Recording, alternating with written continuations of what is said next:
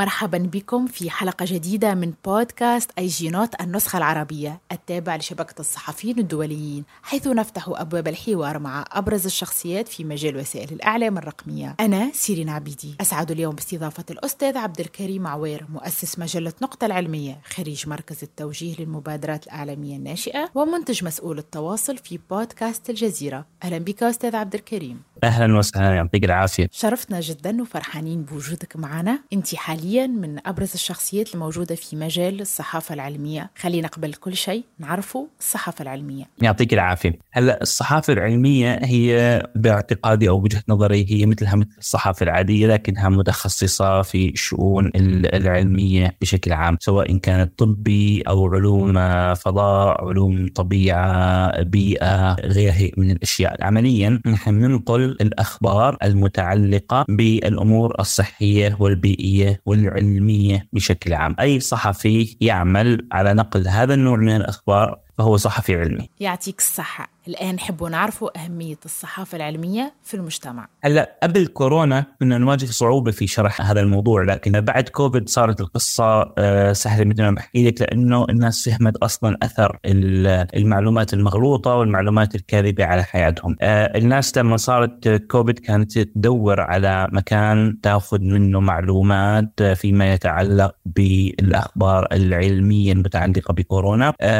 هون هون اجت مهمة الصحفيين العلميين انهم يعني لتبيننه للناس ولا تكتمونه. آه يروحوا يجيبوا المعلومات المصادرها الصحيحة يعرضوها على المتلقي آه بشكل مبسط وبشكل آه لا ينشر الذعر بين الناس ويحكي لهم شو يساووا بالضبط لحتى قدرنا نتجاوز هذيك المرحلة. آه نمر الآن لمجله نقطة العلمية اللي صارت منصة إعلامية رائدة في مجال تبسيط العلوم واللي فيها فريق كبير. كيف جاتك الفكرة أستاذ عبد الكريم وكيف طورتها من مجرد فكرة إلى مشروع متكامل الأركان. يعني آه، ما فيني أحكي إنه نقطة بلشت بالصدفة لكن في هيك قصة طريفة صارت معنا في نقطة خلتنا نبلش. قبل ما أبدأ مجلة نقطة العلمية أنا مهتم بالهندسة ومهتم بالمعلومات الهندسية بشكل عام على اعتبار إني أنا مهندس. آه بعدها كان في ارتفعت أسعار البنزين والديزل بشكل ملحوظ بنهاية 2009 2010 كنت جالس مع والدي بحكي له إنه في طريقه تطلع ديزل من زيت القلي آه والدي برضه مهندس كيمياء الله يرحمه فصفن في الموضوع للحظة وحكى لي أيوة ممكن. وفعليا خلال يعني بضع ساعات كنا بنغلي زيت على النار وحطينا عليه آه ميثانول وحطينا عليه آه يعني مواد أخرى وقدرنا أنه نسوي منه ديزل. استخدمناه في السيارة تبعنا مشي حاله. مباشرة بعدها اشترينا عدة بسيطة جدا وبدأنا نطبخ أول طبخة آه ديزل في البيت. يومها صورتها ونشرتها على الإنترنت في ذلك الوقت كلام على 2010 وجابت فعلا تفاعل كبير جدا وصارت توصلني كثير أسئلة عن كيف ممكن إنه نعمل هذا الشيء. آه، ما عندنا ميثانول كافي ما عندنا بوتاسيوم كافي ما عندنا آه، الشيء الفلاني. طب المادة الفلانية كيف نستعيض عنها آه، كيف نفلتر ديزل بعد ما عملناه وهكذا بدات توصل العديد من الأسئلة. فشفت إنه أفضل طريقة هي إنه نبدأ منصة علمية تصير تجاوب على هاي الأسئلة وتقترح أسئلة أخرى حتى نجاوب عليها. وهكذا نشأت مجلة نقطه في الأول. وهدفنا فعليا كان تبسيط العلوم. انه نحكي للناس انه العلوم المعقدة اللي أنتم تشوفوها هي في حقيقتها شيء بسيط يمكن أن يفهم بكلمات آه، قليلة. فيما بعد آه، بدأت تتوسع المنصة، بدأت تتوسع مجلة نقطة، صار في عندنا قسم متخصص بالبيئة وقسم متخصص بالصحة وقسم متخصص بالصناعة، نحن لازم نركز على الأخبار العلمية التي تهم الناس بشكل آه، بشكل حقيقي، يعني أنا لا يهمني أن أعرف عن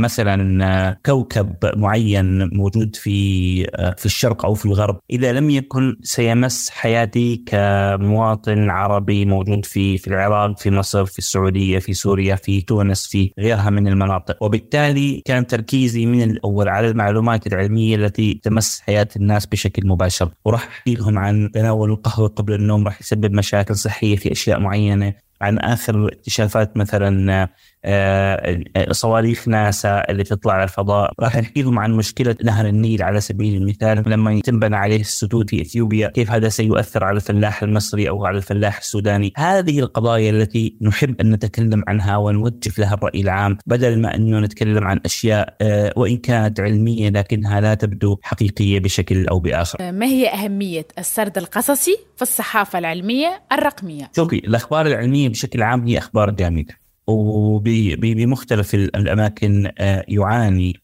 أغلب المحررين العلميين من إنه الأخبار العلمية هي فعلا أخبار أخبار جامدة. ولكن لقينا إنه موضوع القصة. لما أنا بجي بحكي لك والله عندي قصة آه، طريفة صارت معي.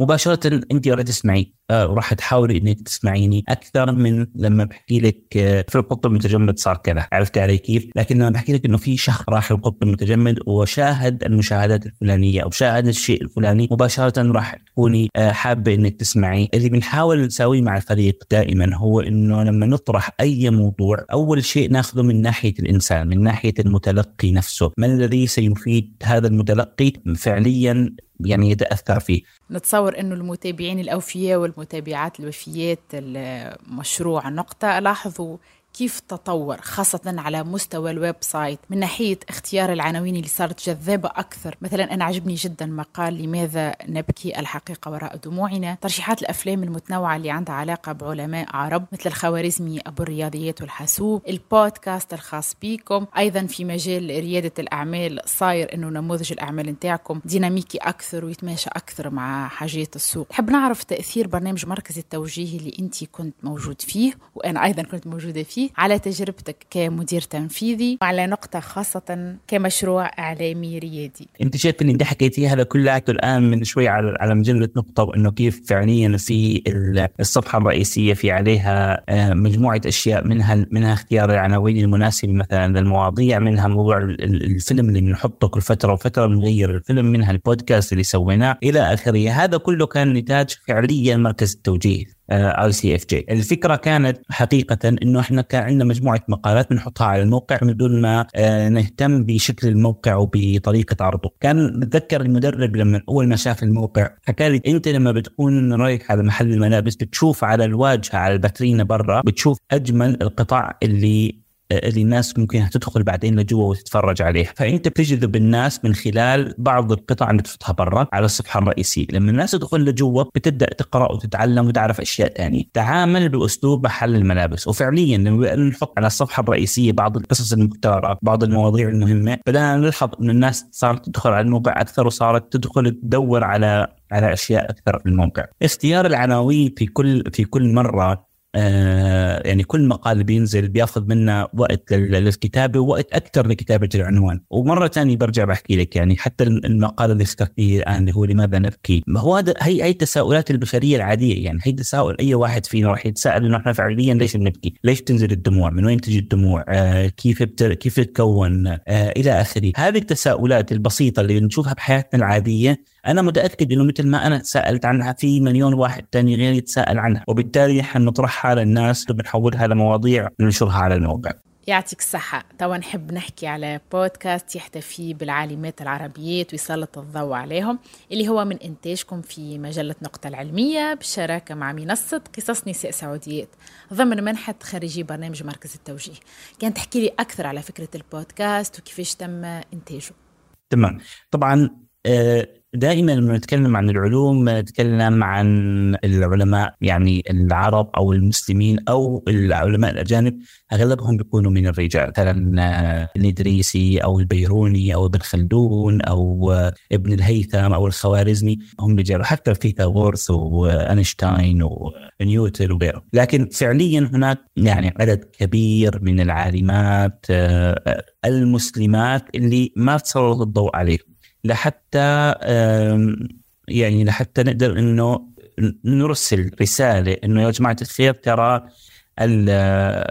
العلم ليس حكرا على الرجال وإنما حتى المرأة العربية قادرة على أن تكون آه، عالمة ومخترعة مثل مريم الإسطرلابية وغيرها آه، من من العالمات. اللواتي كنا قادرات في في وقت من الأوقات على تغيير يعني الحالة العلمية في ذلك الوقت. ووجدنا بدانا نبحث عن عن متخصصات عربيات برزوا في مجالاتهم العلمية. فلقينا عدد كبير من من النساء العربيات برزوا بشكل ملحوظ مثلا آه، علياء كيوان اللي بتنشر آه، بتنشر على حساباتها على ال social media مواضيع علمية حقيقة رصينة. عندك ديانا السندي الذي تعمل في صواريخ الدفع باتجاه الفضاء. عندك آه، رنا التجاني آه، اللي اللي غيرت غيرت كثيرا في مفهوم المرأة في العلوم وهي بتعمل في مؤسسات يعني مهتمة بالعلوم وتمكين المرأة في مجال العلوم. يا جماعة الخير ترى المرأة قادرة على أن تكون عنصر في مجال النهضة العلمية في العالم العربي. يعطيكم الصحة صراحة لأنه مشروع مهم لتعزيز الوعي وزاد أنه يصحح الصورة النمطية للمرأة العربية زاد يوثق لنا التاريخ نتاعنا ويخلي عنا موروث نجم نرجعوا له وبالطبيعة أنه نقدموا نماذج إيجابية للجيل اللي جاي. ما زلنا في إطار المسؤولية المجتمعية لنقطة ونحب نعرف. هل فكرتوا في إطلاق مشروع لمكافحة فوضى المعلومات والمعلومات المضلة في المجال العلمي؟ خاصة أنه المشاريع العربية في المجال هذا مش كثيرة. طيب خليني أبدأ لك بمشروع جديد نعمل عليه الآن في في مجلة نقطة. عم نشتغل على آه، منصة تحرى هذه آه، مهتمة تحديدا بالكشف عن المعلومات الزائفة العلمية الموجودة على الإنترنت. يعني كثير أحيانا نسمع عن قصص آه، قصص كثيرة جدا مثلا تناول القهوة في الصباح يؤدي إلى السرطان بتلاقيها موجود منشور على الإنترنت وبتلاقيه منتشر بشكل كبير جدا. فلا تعالوا يا جماعة الخير ناخذ حد مختص ونسأله عن هذا ال post الموجود على الفيسبوك اللي انتشر أو أو ال post اللي بينتشر على group الأمهات أو على group العائلة اللي بيطلع كل فترة. وهذا دائما لازم ينتشر. تقريبا كل سنة يعاد نشره اللي هو إنه تناول الشوكولاتة ممكن إنه يخفف الوزن. وهذا ال post له قصة ظريفه جدا إنه هو أحد آه، الباحثين حب إنه ينشر هذه الورقة ويكتب ضمن الورقة معلومات توحي إنه هذه الورقة العلمية غير صحيح ومن بين أكثر من 100 مجلة نشرت الموضوع لم تكن هناك إلا آه ثلاث أو أربع مجلات تواصلت مع الباحث وحكت له آه حابين نتأكد من المعلومات الواردة في في البحث. وبالتالي وبالتالي نحن عندنا يعني إشكالية حقيقية حتى يعني بعيدا عن العالم العربي حتى يعني على مستوى العالم في عندنا مشكلة في موضوع الفيريفيكيشنز أو تحري المعلومات، لذلك حبينا نخصص زاوية ونخصص منصة كاملة بعنوان تحرى تتحرى عن معلومات آه منها على سبيل المثال إنه اللقاحات بتسبب التوحد أو بتسبب السرطان أو إنه آه النساء الحوامل مثلا ما بصير يمروا من البوابات الإلكترونية إنها راح تجهض مباشرة منها. راح تلاقي عديد من القصص الموجودة. يعني كان مثلا في كان في موضوع على موضوع الزلزال وهذا آه هو الموضوع الأول اللي بدأنا نشتغل عليه.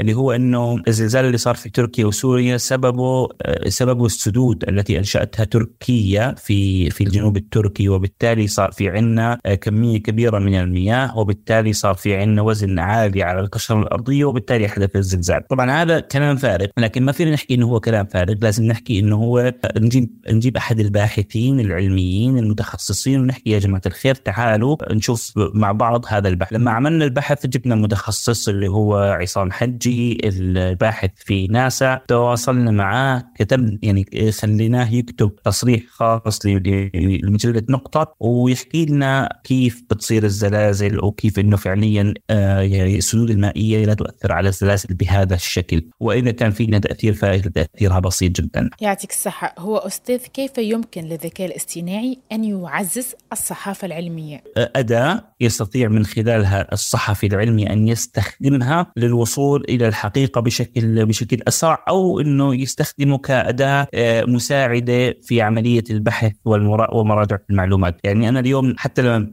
كثير من الصحفيين بيجوا يحكوا إنه والله ChatGPT على سبيل المثال آه، استطاع إنه يحل لنا مشاكل كثيرة فيما يتعلق بإنه بيكتب مقالات، صحيح ولكن مش مش بهذه الدقة، يعني هو لا يستطيع أن يكتب مقالات متكاملة آه، يستطيع أن يكتب مقالات متكامله لكن راح نضل حنعرف إنه هذه المقاله كتب عن طريق الذكاء الاصطناعي لم يكتبه بشر.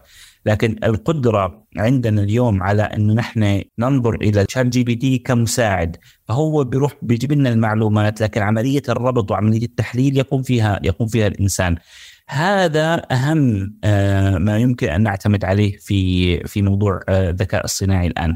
إنه نعتبره مساعد ومساعد آه، يعمل معنا على جمع المعلومات وعلى المساعدة في تحليلها وفي تفكيكها، لكن الجانب البشري يبقى هو الأساس في عملية تحليل المعلومات والكتابة فيما بعد. طيب وهل الذكاء الاصطناعي يساهم أكثر إنه المعلومات المضله تزيد تنتشر؟ هو الديب فيك أو التزييف العميق ممكن إنه يصير أقوى مع الذكاء الاصطناعي. لكن في المقابل الذكاء الاصطناعي قادر على أن يكشف مثل هذه المش...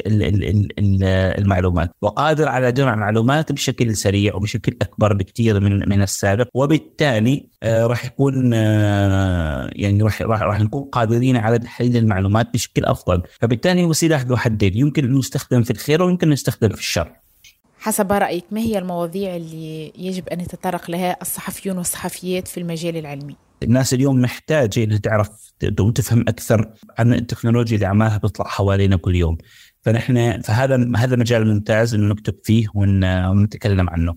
الأمر الآخر واللي أعتقد إنه آه، ممكن يكون مهم لكثير من الناس هو استشراف المستقبل فيما يتعلق بال بالعلوم والتكنولوجيا وكذا.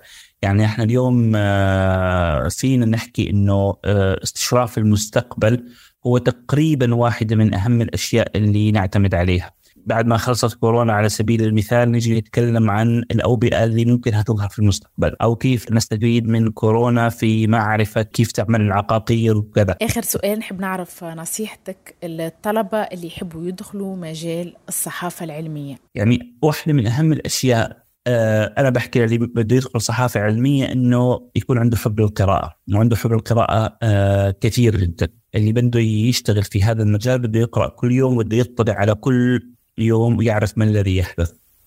والكتابة تحثك على البحث أكثر وتحثك على القراءة أكثر وبالتالي أهم شيء هو موضوع التميز. يعني لو بدنا نتكلم عن عن المسار المهني الواعد فهو المسار المتميز الواحد يدور على الأشياء على المواضيع التي لا يتحدث عنها كل الناس. المواضيع التي يتحدث عنها البعض لا يتحدث عنها الكل.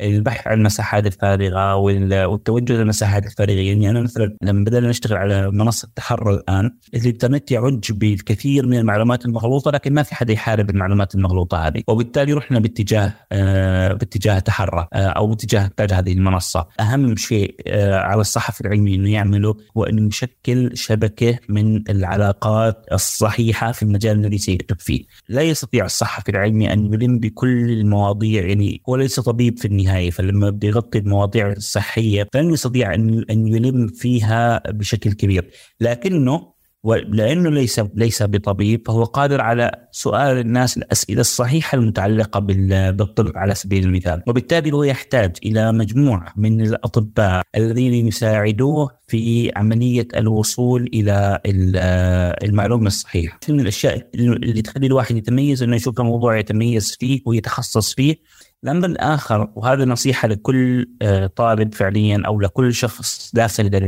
للإعلام العلمي حديثا واحدة من أهم الملاحظات اللي شفناها في سواء كان في موقع نقطة أو في غيره من من الأماكن هي قضية قضية دقيقة وحساسة جدا موضوع إنه الناس آه، فعليا تحب أن تقرأ المجالات المتقاطعة.